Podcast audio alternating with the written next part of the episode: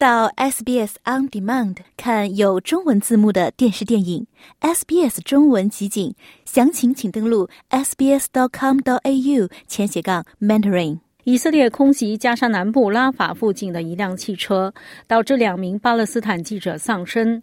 与此同时，美国国务卿安东尼·布林肯继续与中东同行举行会议，希望缓和地区紧张局势。下面请听报道：以色列空袭袭击了加沙南部拉法附近的一辆汽车，导致两名巴勒斯坦记者在报道过程中丧生。穆斯塔法·图里亚和汉萨·达杜赫。都是自由记者。汉萨达杜赫是半岛电视台驻加沙首席记者瓦埃尔达杜赫的儿子。以色列国防军没有立即回应对这次袭击发表评论的请求，但此前他们曾发表声明，声称他们永远不会故意针对记者发动袭击。国际监督机构保护记者委员会 （CPJ） 表示，自十月七号以来，至少有七十九名记者在加沙被杀，并多次对加沙明显针对记者的行为表示担忧。CPJ 呼吁对最近的这两起杀戮事件进行独立调查。目前正在中东进行会谈的美国国务卿安东尼·布林肯向饱受丧子之痛的父亲瓦尔达赫杜表达了哀悼和同情。战争期间，瓦尔达杜赫失去了妻子、另外两个孩子和一个孙子。I am deeply, deeply sorry for the almost unimaginable loss suffered by. 我深表抱歉，您的同事汉萨达杜赫所遭受的几乎难以想象的损失。我自己也是一名家长。我无法想象他所经历的恐怖，不是一次，现在是两次，这是难以想象的悲剧。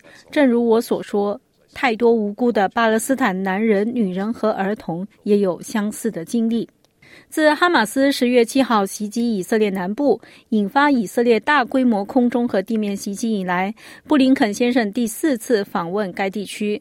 他表示，这次访问的主要目的是寻找缓解地区紧张局势的方法。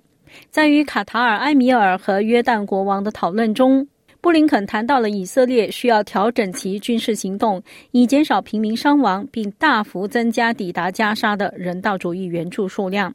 德国外交部长安娜莱纳贝尔伯克也表示，需要采取更多措施保护平民。他表示，以色列猛烈军事攻击所造成的苦难已经持续太久了。It is becoming more and more clear. Israel's army must do more to protect civilians. 越来越清楚的是，以色列军队必须采取更多措施保护加沙平民。他必须找到与哈马斯作战的方法，同时又不造成这么多人死亡或者受伤，这么多无辜的人民受苦。不能再这样下去了，不能再有这样激烈的军事行动了。在会议期间，布林肯还讨论了加沙战后未来的计划。他向阿拉伯领导人保证，华盛顿反对强迫巴勒斯坦人离开加沙或者被占领的约旦河西岸。布林肯访问期间，美国也重申了释放仍被哈马斯扣押的人质的持续承诺。以色列官员称，一百二十三人在十月七号的袭击中被绑架并被带到加沙，至今下落不明。布林肯先生向其余人质做出了这一承诺。To those still being held hostage, to their loved ones, to their families. 对于那些仍然被扣为人质的人、他们的亲人、他们的家人，我向你们保证，美国将继续不懈的努力，将你们带回家，让你们与家人和亲人团聚。在此之前，其中六名人质的家人与参与人质归还谈判的卡塔尔高级官员的会议之后，已经返回家中。罗比城是人质伊塔城的父亲，也是会议的参与者之一。他说：“随着时间的推移和冲突的持续，他对他的儿子的安全的担忧只会越来越严重。” They believe the Qataris that some sort of. 卡塔尔人相信，战斗的某种暂时停顿将加快谈判进程，使人质能够活着回家。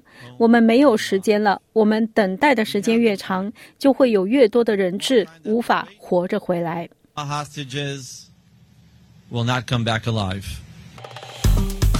喜欢、分享、评论，欢迎您在 Facebook 上关注 SBS 普通话页面。